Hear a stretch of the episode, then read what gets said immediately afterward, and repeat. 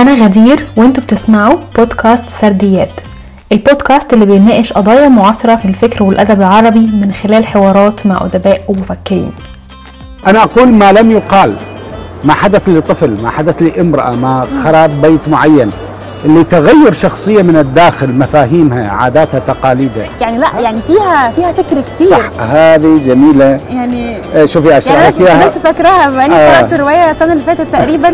بس فعلا في حاجات بتفضل آه، مؤثرة في القارئ. آه، بعد- هاي ملاحظة جميلة. مشكلة المشاكل عند الكتاب وعند الناشرين وعند وعند ال... ناس كتير قوي حتى القراء يعني.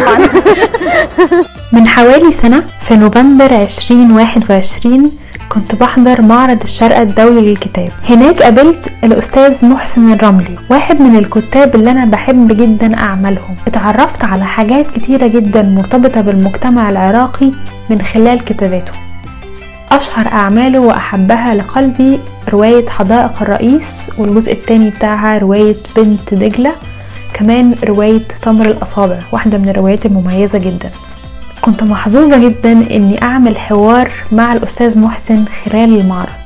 اتكلمنا عن رؤيته للكتابة وإزاي هو بيتعامل معاها بجدية شديدة جدا. اتكلمنا كمان عن مشروعه الأدبي اللي هو بيشوف إنه فكرة الألم هي فكرة محورية جدا في أعماله. خلال الحوار اتعرفنا على رؤيته كمثقف وأديب عربي في قضايا كتيرة جدا. حقيقي استمتعت بالحوار وكنت محظوظة جدا إني عملته.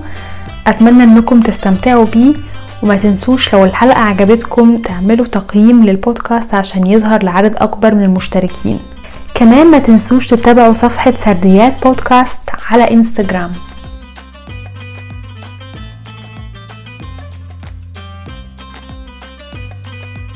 طيب أنا كنت ماشية في المعرض النهارده وقابلت الكاتب المفضل بالنسبة لي دكتور محسن الرملي وسعيدة جدا جدا يعني إن أنا شفته النهارده وحابة إن أنا يعني أدردش كده شوية مع حضرتك ونتكلم عن واحدة من الروايات المفضلة اللي أنا قريتها الفترة اللي فاتت آه، رواية حدائق الرئيس أنا نعم. يعني مش قادرة أوصف لحضرتك قد إيه أنا استمتعت بيها أول ما مسكت كده أول صفحة يعني أول حتى جملة أو جملتين من مقدمة الرواية صادمة آه تخض كده آه. فيها فيها صدمة أي حد بيبدأ يمسك الرواية لأول مرة أنا تقريبا ما سبتهاش من إيديا غير لما خلصتها في وقت قصير جدا وكانت رواية كلها يعني كلها كده مشاعر الواحد ممكن يضحك شوية ويعيط و... صح. ويشوف مآسي ويشوف تاريخ بلد من خلال ثلاث أصدقاء يعني بي- بيتعرف على تاريخ بلد في في عدة عدة سنوات يعني. صحيح. من خلال متابعته للشخصيات دي. فالرواية بصراحة يعني بالنسبة لي هي واحدة من الروايات العظيمة.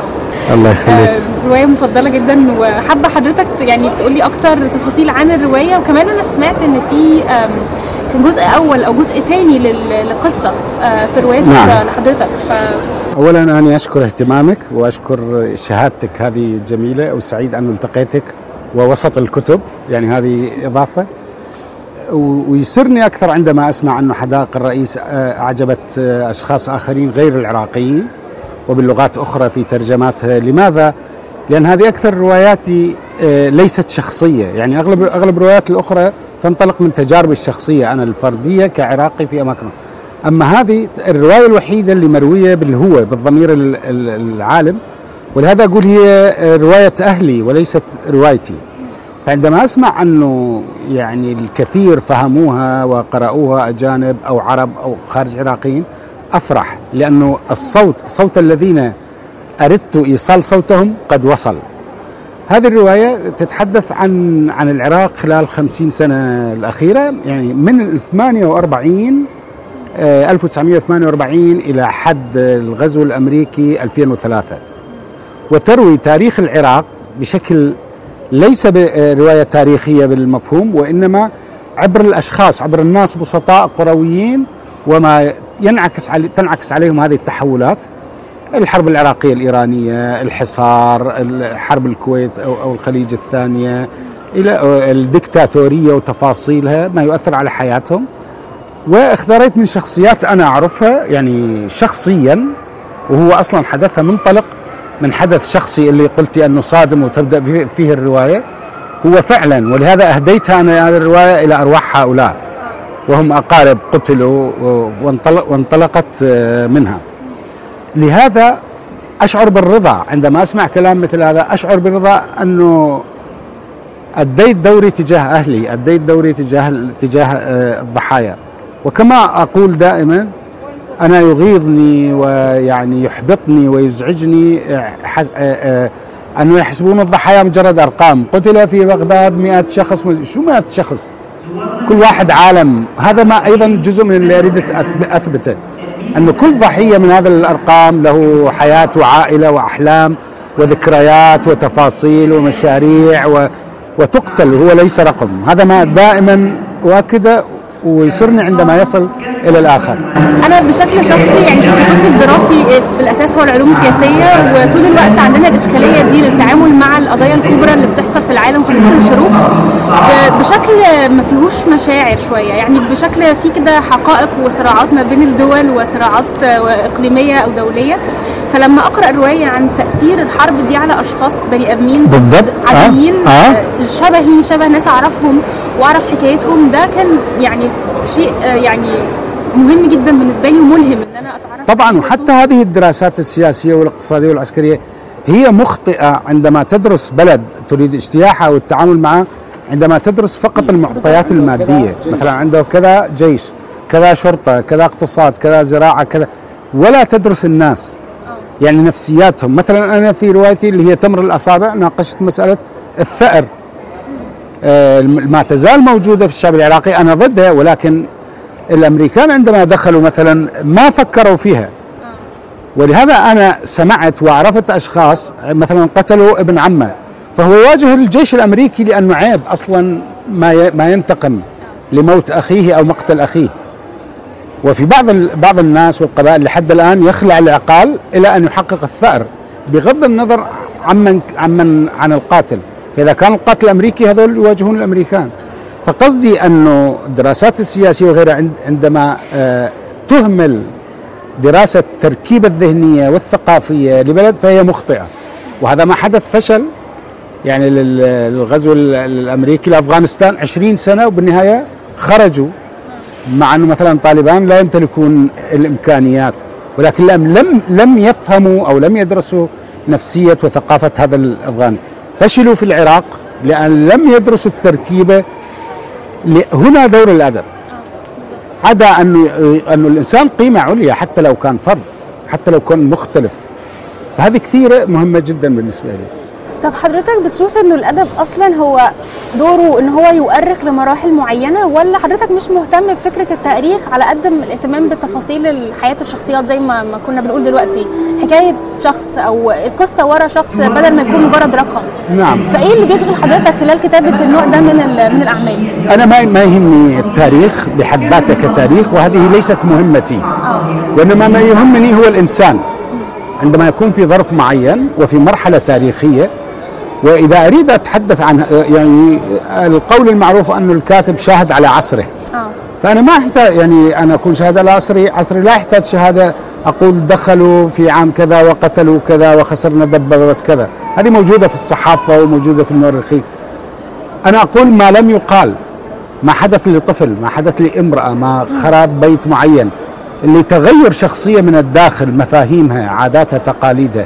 هذا هو التاريخ اللي يهمني واللي هو إنساني وبالتالي هو غير متعلق بمكان أو زمان. صح يحدث بالعراق ولكن يتعاطف مع الكولومبي المكسيكي الياباني الصيني لأن كل الشعوب تمر بظروف معينة. جزء من الرواية هو تناول الإنسان في مرحلة متحولة. كيف يكون آه، تصور آه، تصرف هذا الإنسان وكيف تؤثر عليه هذه التحولات. هذا هو اللي يهمني من ارخنه ال- ال- المسألة.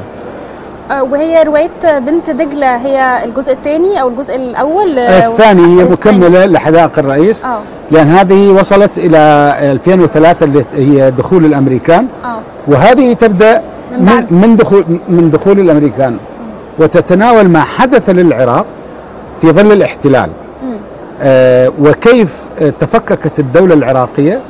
على أيدي آه، ميليشيات والعشائر ورجال الدين والمسلحين والأحزاب والجايين من الخارج. كيف تفككت الدولة العراقية ولكن تحت ظل الاحتلال؟ وبدور والتعاون مع مع الاحتلال. آه، فتتناول هذه المرحلة. يعني أنا متحمسة جدا أقراها بصراحة يعني في الخطة بتاعتي وأتمنى حضرتك توقع لي عليها كمان النهارده. هقراها في أقرب وقت. متحمسة جدا للأعمال ديت. طيب آه. سؤال يعني شخصي إيه إيه اهتمامات حضرتك لما بتقرأ آه، أو بتدور على آه، أعمال جديدة تقرأها؟ حضرتك مهتم بنوع معين من الكتب أو كتاب معينين؟ آه جميل هذا السؤال. عادة بالبداية إحنا نبدأ نقرأ روايات وشعر وقصص. عندما تكبر هاي تبقى مستمرة. تبدي تقرأ أشياء آه فكرية يعني متعلقة بالفلسفة متعلقة بالنقد آه آه، يعني تقرأ هذه المسائل. متعلقة بالكتابة ذاتها أكثر شيء. ولكن كثير أقرأ فلسفة. يعني لأنه الفلسفة هي تشكيل حتى تشكل رؤية. آه. رؤية للعالم. وفي رأيي أنه كل روائي وكل أدب لازم يحمل رؤية رؤية يعني كيف يتصور العالم أو عندما يتناول قضية الحب قضية الموت قضية لازم تكون له وجهة نظر تجاه ذلك. فأنا أحتاجها. على صعيد الأدب الغريب في أنا شخصيا أحب أقرأ الأعمال الأدبية الصعبة. ولكن أكتب قدر الإمكان بأسلوب بسيط. عشان يوصل آه بس- بس شخصيا أحب الأعمال الصعبة وممكن هذا تأثير أن قوة قراءاتي كانت بالثمانينات والتسعينات اللي هي كان مثلا وقبلها الرواية الفرنسية الجديدة التقنيات الصعبة آه مثلا بإسبانيا خوان جويت سولو اللي تجريب التي فيها تجريب. أحب هذا التحدي في, في الأعمال المغلقة وبنفس الوقت أعمل العكس. وهذا بسبب اختلاف الزمن وباختلاف القراء أيضا لأن أنا قارئ من الطراز القديم.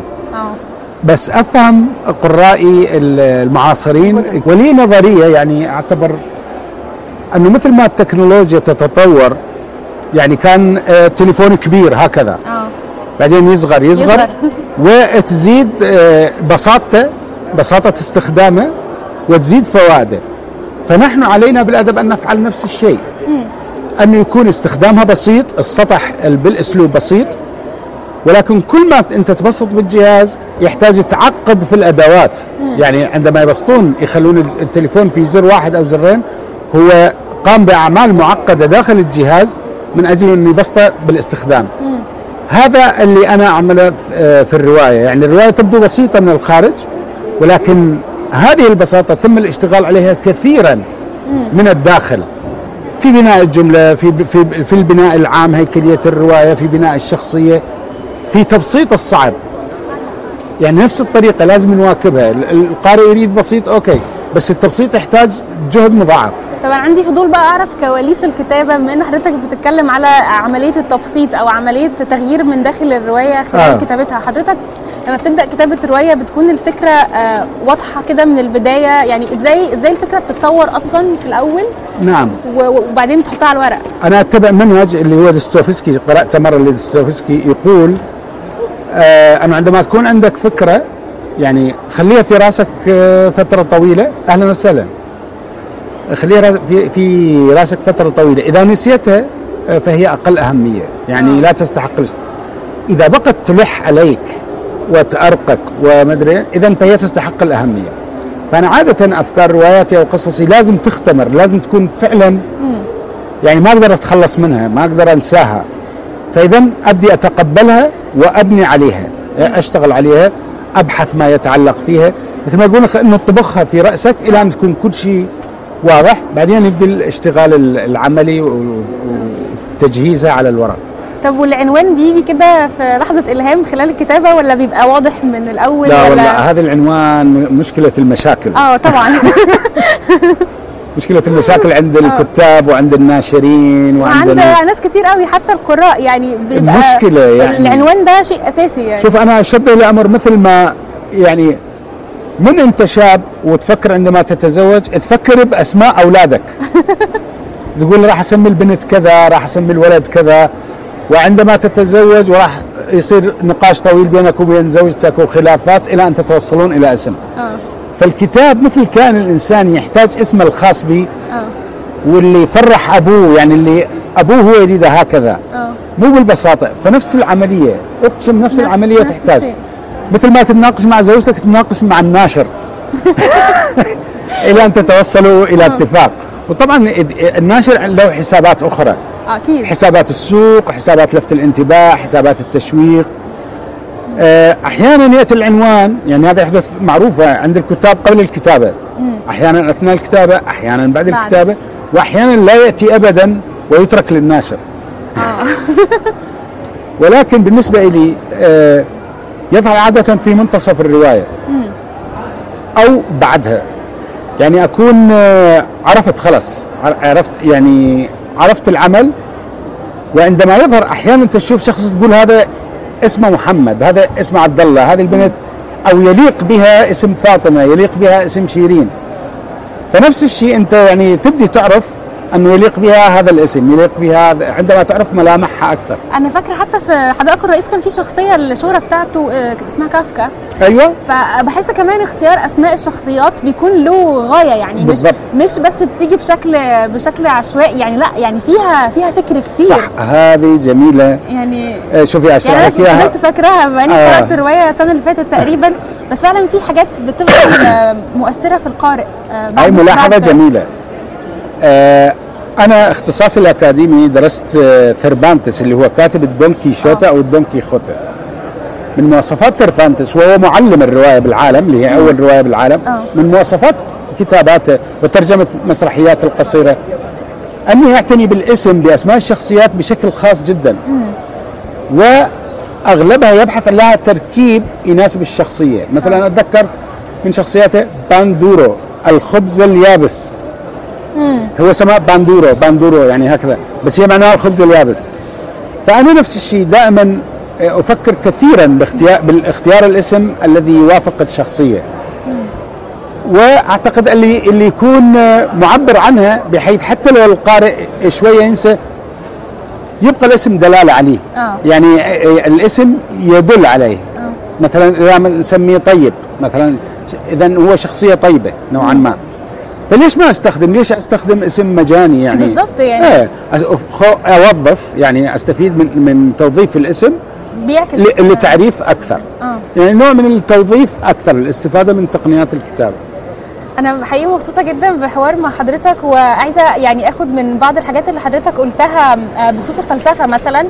ولو عايزين نوجز مشروع حضرتك الأدبي بشكل فلسفي هل حضرتك آه، زي ما حضرتك قلت فكرة التحولات أو فكرة اللحظات نعم. ال- الفارقة في تاريخ آه، العراق وتاريخ المنطقة العربية هل هل ده آه، جزء من مشروع حضرتك الأدبي؟ هل زي حضرتك بت- بتوصف ده من أكثر من عمل في خلال السنوات اللي فاتت؟ شوفي أنا أكثر مواضيع يعني ال- اللي تأرقني واللي تشغلني هو موضوع الألم.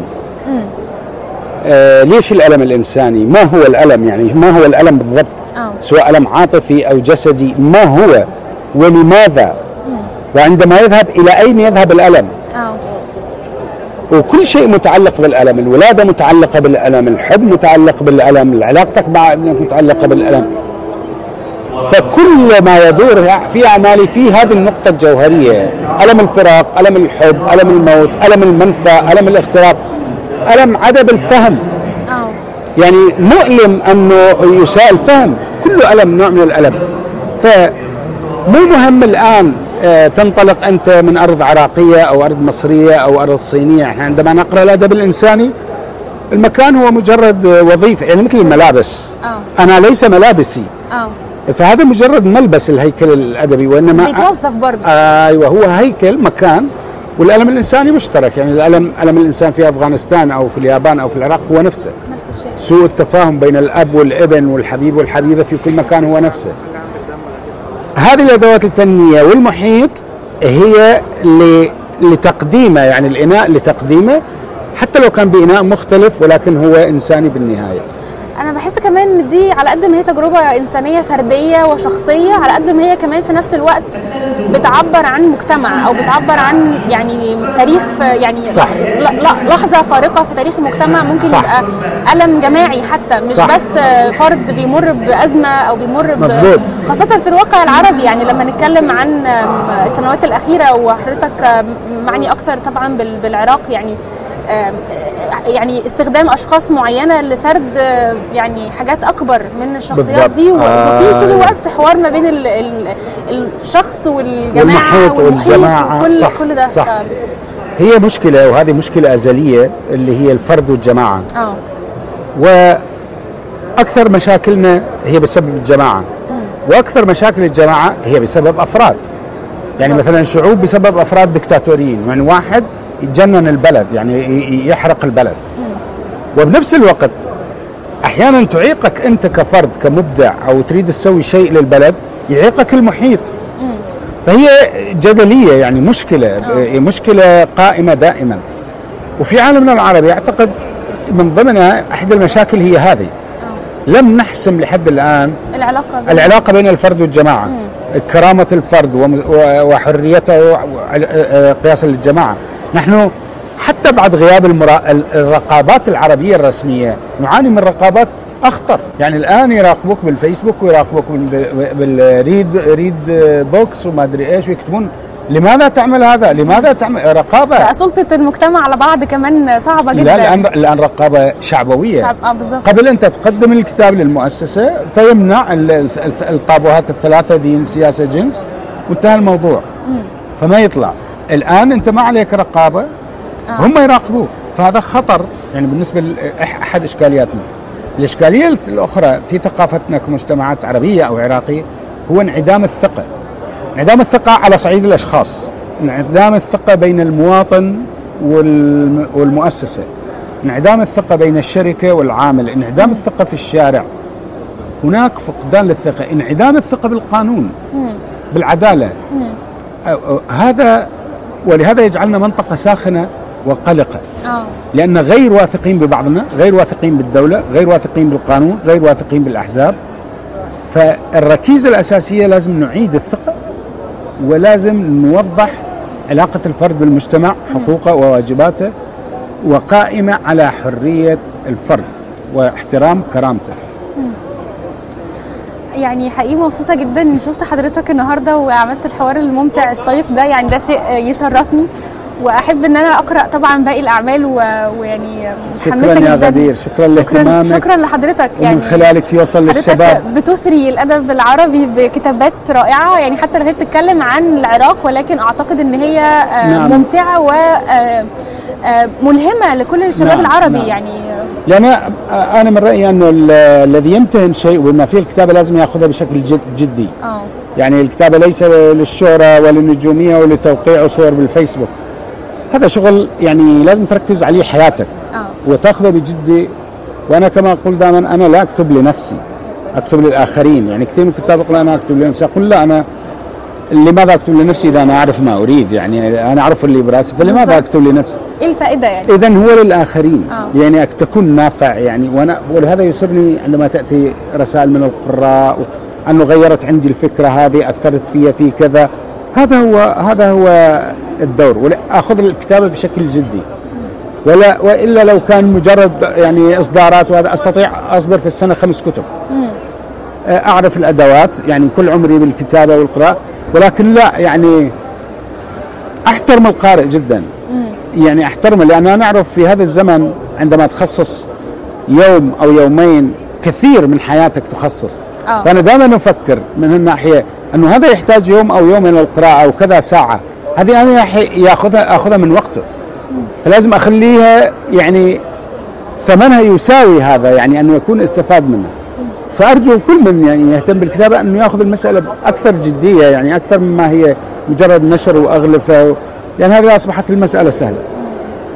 شكرا شكرا, شكراً لحضرتك. اتشرفت جدا باللقاء ده وإن شاء الله يعني يعني أقرأ باقي الأعمال ودايما نكون على تواصل مع حضرتك إن شاء الله. تشرفنا وتحية. لكل اللي يشاهدونا كل الشباب. شكرا شكرا جدا.